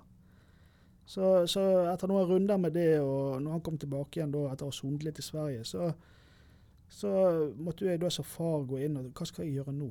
Mm. Hvordan skal jeg takle dette? Så jeg, så, og jeg lå meg rett og slett på en linje som kanskje passer meg best, dette med tøff lov.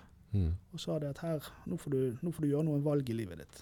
Enten så velger du å være narkoman, men da er du vekke fra familien, eller du velger å få en avrusing. Da skal vi være med og hjelpe deg. Mm. Men det er ikke noe sånn mellomting der vi skal Nei, bare underholde deg med, med penger og sørge for å underbygge ditt. Men det er jo litt riktig jo det, da. Ja, vi skal ikke være medavhengig, som som det heter. Sant? Og, og jeg er veldig svart-hvitt på det. For vi var medavhengige med min far i alle år, med Mm. hans alkoholforbruk. Mm. eh, Og tok hensyn til hans alkoholforbruk. Mm.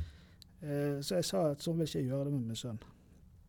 Eh, så han da, til slutt så havnet jo han på da, avrusing i Bergen et år. Eh, og jeg var jo sikker på at nå var vi kommet ganske langt. Og, og måten vi kommuniserte på, viste jo at han var innstilt på at dette skulle gå bra. Mm. Eh, når han kom ut derifra, så eh, hadde vi kontakt. Han fikk seg jobb, han fikk fagbrev, og han fikk seg leilighet. Oi, Så han var liksom på den oppadgående kurven. gammel var han da? Eh, 22. 22. Ja. Han var ungdom ennå. Jeg var ungdom ennå.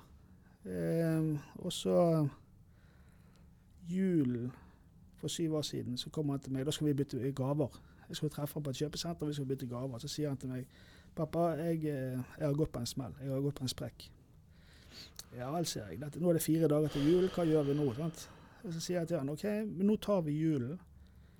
Eh, og så møtes vi etter jul, og så finner vi et, et behandlingssted. Gjerne på Østlandet, sier jeg, for da kommer du litt vekk fra miljøet ditt. Mm. Og så skal jeg betale for deg. Det går helt fint. Mm. Eh, og, Men da var han sånn motivert at det var en sprekk, jeg er på tur ut, at jeg har kontroll? men det han hadde gjort da, var jo istedenfor å røyke heroin, så han begynt å sitte sprøyter. Så, så det tålte jo han ikke. Og 4. januar så ringer da, altså 4. første så ringer moren og sier eh, han er død. Da hadde hun kommet hjem til han, så han døde da i sofaen hjemme. 22-23 år. Og jeg tenkte jo Altså det jo, ble jo et slag for meg, for det at selvfølgelig Jeg fikk ikke sjansen til å gå inn og hjelpe han.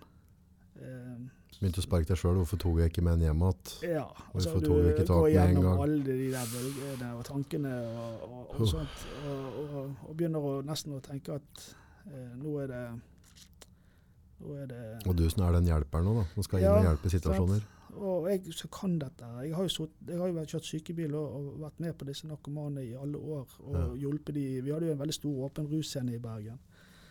Ehm, og var liksom, dette kan jo jeg. Kan jo alle symptomene, jeg kan jo alle farene, jeg kan jo alt. Og så likevel så står jeg her nå og får den telefonen fra moren som sier at han er død. Ehm, og det ble på nytt en sånn slag som jeg, som jeg ikke var forberedt på. Jeg vet ikke hvordan jeg helt skal takle det. Eh, på den tiden der så jobbet jeg for et engelsk firma som, der vi leide ut eh, Altså jeg hadde flere jobber, men ene jobben min var å leie ut vakter utenfor Adenbukten til skip som gikk der på dette med pirater og sånt. Jeg var samtidig også rådgiver for, eh, for sjefen på Etterretningshøgskolen når det gjaldt eh, gisselsituasjoner. Mm.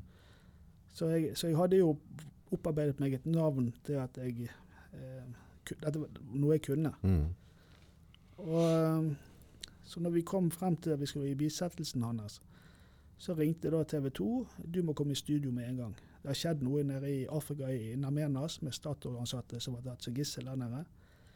Så du må komme, vi må trenger deg å kunne snakke om disse tingene. Så sier han nei, det gjør jeg ikke. Eh, Jeg kan komme i morgen, men ikke i dag. Eh, nei, du må, du må komme med meg med en gang. Ja, hva skal du da, sier han. Nei, jeg skal i bisettelsen til min sønn. Og Da ble det helt stille i hin enden, stakkar. Han ble ikke helt sjokk. Så, men det kan komme i morgen. Eh, så det jeg gjorde da, det var at jeg bestemte meg for at jeg skal gå på jobb.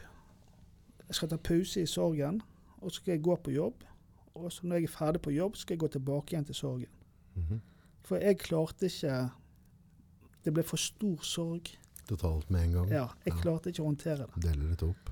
Så, så de neste ukene der så var jo jeg veldig mye i media med denne gisselsituasjonen der nede. Jeg var veldig mye ute og jobbet. Og, og med det så fikk jeg også tilbud om stadig nye jobber i utlandet. Så tenkte jeg at nå må jeg ikke gå i den fellen jeg alltid har gjort. Når jeg får problemer, så hiver jeg meg på jobb. Sånn som mange menn gjør. Da Mm. jobber vi døgnet rundt, og så prøver vi å skubbe vekk disse vonde følelsene. Mm. Nå skal jeg heller eh, gjøre det motsatte. Så jeg sa fra til sjefen min at eh, jeg kan ikke reise mer, jeg kan ikke ha den jobben mer. Jeg er nødt til å være hjemme og ta vare på meg sjøl og gjøre de tingene riktig for meg nå. Mm. Så da var det å jobbe litt, gå hjem, ligge i fosterstilling på sofaen, eh, reise seg opp igjen og så prøve å, å veksle mellom de to tingene. Så jobb ble fristed? Ja, men eh, Fri kontrollert. fra, fri fra følelser? Fri fra sorg. Eh, Men, men jeg passet på at jeg gikk tilbake til sorgen. Ja. At jeg ikke ble sittende fast i jobben. For den sorgen kommer uansett. Mm. Og det er bedre å, å ta den og være med på utviklingen istedenfor å få den et år seinere, gjerne. Eh, Så det gikk vel et halvt års tid, nærmere et år. Så fant jeg ut at nå har jeg gjort så mye jeg kan gjøre på egen hånd. Nå trenger jeg hjelp. Nå må jeg ut til helsevesenet og få, få litt hjelp. Eh, så jeg tok kontakt med, med forskjellige eh, altså på legevakten i Bergen, Livsmestringshjelpen. Spurte om kan dere hjelpe meg. Nei, jeg fikk en time til, til utredning der. Nei, vi kan ikke hjelpe deg. Men vi kan sende deg videre. Ja vel. Så ble jeg sendt videre. Jeg var innom åtte forskjellige leger og psykologer det neste halvåret. Så der jeg ble bare sendt videre og sendt videre. Eh, jeg hadde psykologer som satt og grein foran meg når de hørte livshistorien min. Og jeg hadde folk som sa rett ut at «Eh, vi kan ikke hjelpe deg her. Du, har for stor historie i ditt liv. Så da gikk jeg opp, på, opp til helsevesenet i Bergen. Et eh, ressurssenter for vold og traumatisk stress og selvmordsforebygging. Det er et langt nord, det er RVTS, som det heter på kort. Ja. Eh, De har det over hele Norge. Så jeg nå må vi, nå må vi undervise disse på DPS-ene hvordan de skal gjøre dette. Mm. Så da reiste jeg rundt med de i to år. Eh, rett og slett og ja, det er nærmere kanskje over to år. Der jeg har reist rundt på DPS og lært de hvordan de skal håndtere mennesker med krigsbakgrunn. Eh, og der jeg tar opp dette med hvem er jeg når jeg sitter foran deg? Er jeg en sønn til en alkoholiker? Er jeg eh, en som har vært i, uten, altså i krigstjeneste og vært tatt som gissel? Er jeg en som har prøvd å ta livet sitt? Er jeg en far til et barn som er dødt? Hvem er jeg når jeg sitter foran deg og ber om hjelp? For det jeg trengte hjelp til, det var å håndtere mine, min sorg etter min sønn døde. Jeg trengte ikke å få behandling for at jeg har vært gissel i Kroatia. Så det er ikke der jeg, jeg trengte å være. Så, så, så det er litt det der eh, Er det om å møte folk for at de er mennesker, istedenfor at du skal finne en diagnose. Du skal ikke finne en diagnose. Du skal, du skal spørre meg hvordan har du det i dag. Altså Hvis jeg treffer deg og sier 'hvordan har du det i dag'? Nei, jeg eh, ble operert for blindtarmen da jeg var syv, og sånn og sånn og sånn. Jeg ble skilt for 20 år siden. Men i dag så bekymrer jeg meg for kanskje bedriften min går i stykker. mm. Kanskje jeg mister den. Ja, men da møter jeg deg der, da. Mm. Da møter jeg deg på den akutte følelsen du har i dag. Ikke det som gjerne da skjedde. Men, men jeg, kan, jeg kan godt gå tilbake igjen i 20 årene for å finne ut hvorfor du reagerer som du Mm, reagerer. mm. Men det er ikke i den akutte behandlingen. Det er voldsomt. Da har vi snakket mye og mye, og vi har hoppet mye. Ja, vi har hoppet mye. Jeg tror vi har mange ting vi kan gå litt dypere inn på senere. Men eh, nå i dag så er du ute og holder foredrag. Mm. I dag så reiser jeg rundt med et foredrag som heter 'Menn, motorsykler og kunsten å vise følelser'. Mm. Som eh, Der jeg tar for meg selvfølgelig ting fra min historie, men også hvordan vi menn viser følelser. Eh, og hva er det så, for alle sier jo, hvis, du, hvis jeg sier til deg 'menn og følelser', så sier de alle automatisk 'det kan vi ingenting om'. Mm. Menn er dårlige på å vise følelser. Men er vi det? Jeg syns vi er flinke å vise følelser. Eh, vi hadde f.eks. på 1700-tallet noe som heter romantisk vennskap mellom menn. Mm. Eh, det betyr at menn var flinke å fortelle hverandre at 'jeg savner deg, jeg er glad i deg, du betyr mye for meg'. Så skjedde det et eller annet med den prosessen med industriell revolusjon Mhm. der vi begynte å samle oss i byer. Eh, vi hadde en tysk-østerriksk eh, psykolog som skrev en bok om homofili. Mm. Og kirken begynte å gripe tak i dette her at homofili, det var synd. Derav, ja. Ja. Og i England, så jeg tror det var nå skal ikke jeg si for sikkert, men jeg tror det var 65 som ble henrettet for Å vise følelser.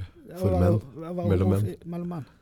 Eh, vi, har, vi har kunstnere som har sittet i fengsel for det. Vi har masse, som, eh, spesielt poeter, som, eh, som da måtte sone fengsel, lange fengselsstraffer pga. det. Og da skjedde det et eller annet. Vi hadde første verdenskrig, vi hadde andre verdenskrig. Vi hadde et eller annet som skjedde der menn ikke lenger snakket så varmt om Andre menn. om andre menn her i Vesten. Eh, og i dag så er det alle sier, spesielt damer, ja, menn er dårlige som snakke om følelser. Og hvis jeg sier til deg at hver gang du sitter deg inn i bilen din, så sier jeg til deg du er dårlig å kjøre bil. Vil du til slutt kjøre bil? Nei. På samme måten som vi menn, når du hele tiden får vite at du er dårlig på noe, Ja, så, så gjør du det ikke. ikke sant? Vel? Eh, så vi mangler et følelsesspråk. Vi har ikke, altså en, en poet, en dikter, kan fortelle deg hvordan rose lukter, eller Mm, hvordan mm. solnedgangen er. Men mange menn de vet jo ikke engang hvordan de skal formidle sine egne innerste følelser. Jeg hadde en kar, jeg jobber jo også som samtalepartner. Ja. hadde en kar som kom og sier, snakket om at det var en i nær familie som var død. Og så sier han det at jeg har det så vondt at jeg skulle tro at fotballaget mitt tapte cupfinalen. Sånn beskrev han det for meg. Ja. Og da tenker jeg, kjempebra beskrivelse. Da vet jeg hva du mener, for det første. Men hvor trist det er at ikke du har ord på det. At ikke du har et ordspråk på det. Og jeg tenker da at hvis jeg skal se Hvis ikke du har språket eh, Og igjen dette med barn og alt dette. Jeg, jeg tenker at menn viser følelser når de kan. Og hvis ikke de kan det, så må jeg finne ut hvorfor ikke du kan det. Så derfor, når jeg skal se på deg om du har det vondt eller ikke, så ser jeg på hva du gjør. Mm. Hvis du begynner å drikke hver dag, så, eller drikke mye, så, gjør, så, gjør, så er det noe galt. Mm. Er du på jobben mye, trekker det vekk, så er det, så er det noe galt. Blir du tausere enn det du pleier, du tar ikke vare på deg, altså utseendet ditt, eh, så er det noe som jeg er nødt til å ettergå. Jeg er nødt til å spørre hva er det som er for noe. Og så må jeg gi rom for at du ikke har ordene til å forklare meg hvordan en rose lukter. Nei, men så fortell på noen annen, bruk noen andre ord. Ja. Bruk, noe- sant? Bruk noen andre ord eh, på hvordan du har det. Så skal jeg prøve i hvert fall å forstå det. Og så må du vite det at når jeg skal snakke med deg om det, så, eh, så vil ikke jeg le av deg hvis du sier feile ting. Eller jeg vil ikke bruke det mot deg seinere. Men jeg må la deg få lov å gi Altså ha det rommet der du kan snakke. Eh, jeg syns menn er veldig gode å snakke om følelser. Og når jeg kommer i disse tøffe MC-klubbene, der er sånn, alle er jo litt sånn skeptiske til tøffe gutter, der finner jeg igjen denne romantiske vennskapet mellom menn. ja, det er brødre, det. vet du. Ja, du klemmer, du bryr deg om, du spør hvordan du har det. Du får lov å, å føle den kjærligheten som Den har jeg ikke tenkt over. Nei. Det samme gjør jeg i spesialstyrkene, eller i enkelte te- eh, soldater i utlandet. da. Du har det der fellesskapet som er veldig nært. Du kan gjerne ha det flere andre steder òg, Mm. men der er ikke det noe konkurranse. Det er ikke noe Du får lov å bare være deg sjøl. Det er fritt for jenter, og det er liksom Men, men du får lov å være eh, glad i noen. Jeg kan si til deg jeg er glad i deg, savner deg, jeg, tenker mye på deg. Uten at eh, For det er jo ingenting som er mer homofomt enn eh, MC-miljøet. Mhm. Eh, er jo Jeg merker bare nå så mye følelser i praten her, snart som vi må drikke en kasse med øl og så skyte litt med hagle for å veie opp at dette her. Ja. Hæ? Det Ja, av, dette her. ja. jo, men sånn så, så du ved å løfte litt tunge steiner. Og, ja, eh, og, og det er helt naturlig, og det er helt fint.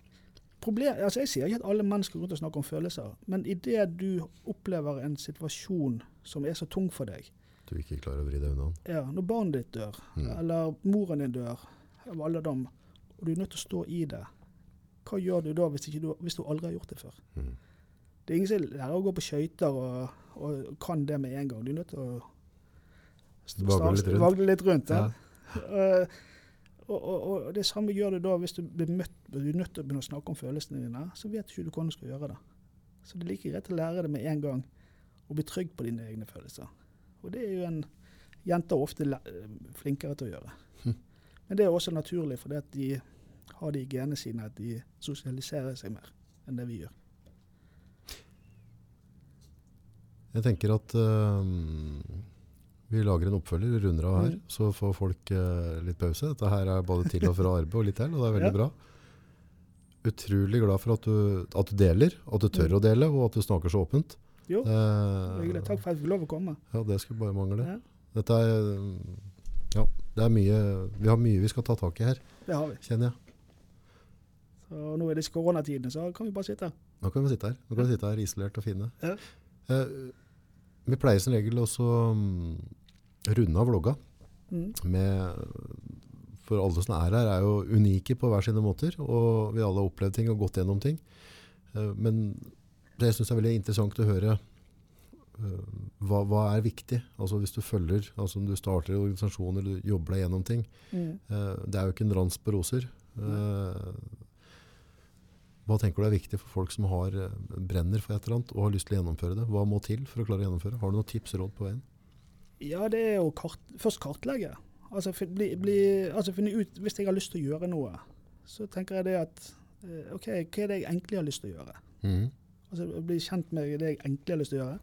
Så, så, så er det der å gå ut og se er det, er det et marked der oppe ute for det jeg har lyst til å gjøre, i den skalaen jeg har lyst til å gjøre. Hvis jeg har lyst til å lage papirblomster, er det et marked der ute, eller Ja. er det bare noe jeg skal gjøre i, som hobby? Men, men så finne ut OK, her er det, det er mangel. Her er det en mangel, så her kan kanskje jeg bidra med noe. Og så er det alltid å skal, ha kontakt med folk som er bedre enn deg i det du skal gjøre. Mm. Altså Hvis jeg vil ha markedsføring, så tenker jeg ikke god på markedsføring. Nei, men kontakt noen som er god på markedsføring. Mm. Altså ansett eller knytt til deg mennesker rundt deg som er mye bedre enn det du er på enkelte ting. For hvis alle er like gode som deg å lage papirblomster, så kommer jo det ingen vei. Nei, det. Eh, Men, men, eh, men snakk med mennesker rundt deg. Se om du kan spille på noe i begynnelsen. Noen venner, noen arbeidskollegaer. altså Spill på noen eh, som ikke koster eh, så mye. Og gjerne kom med, og være åpen for tilbakemeldinger. Ja. Er dette noe som folk trenger? Og så vær, vær forsiktig med disse som er vennene dine, som sier 'ja, du er kjempeflink, bare stå på'. Har du sett alle de som melder seg på Idol, som ikke kan synge? Men alle vennene syns at de De har noen dårlige venner. ja.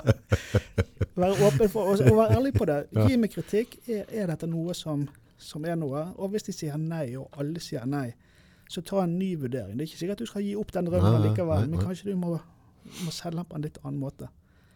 Eh, alle sier nei i, i begynnelsen. Altså, Mm. Henry Ford han gikk på noen konkurser han har før han lagde den beste bilen. Og var den første som hadde samlebånd. Mm. Ikke gi opp drømmen din, men se om kanskje du må, må vri litt på den for, for å få det til. Eh, og så bare følg drømmen. Det er det beste. Og tål å gå på trynet. Tål å gå på trynet. Tusen hjertelig. Takk for at jeg fikk komme.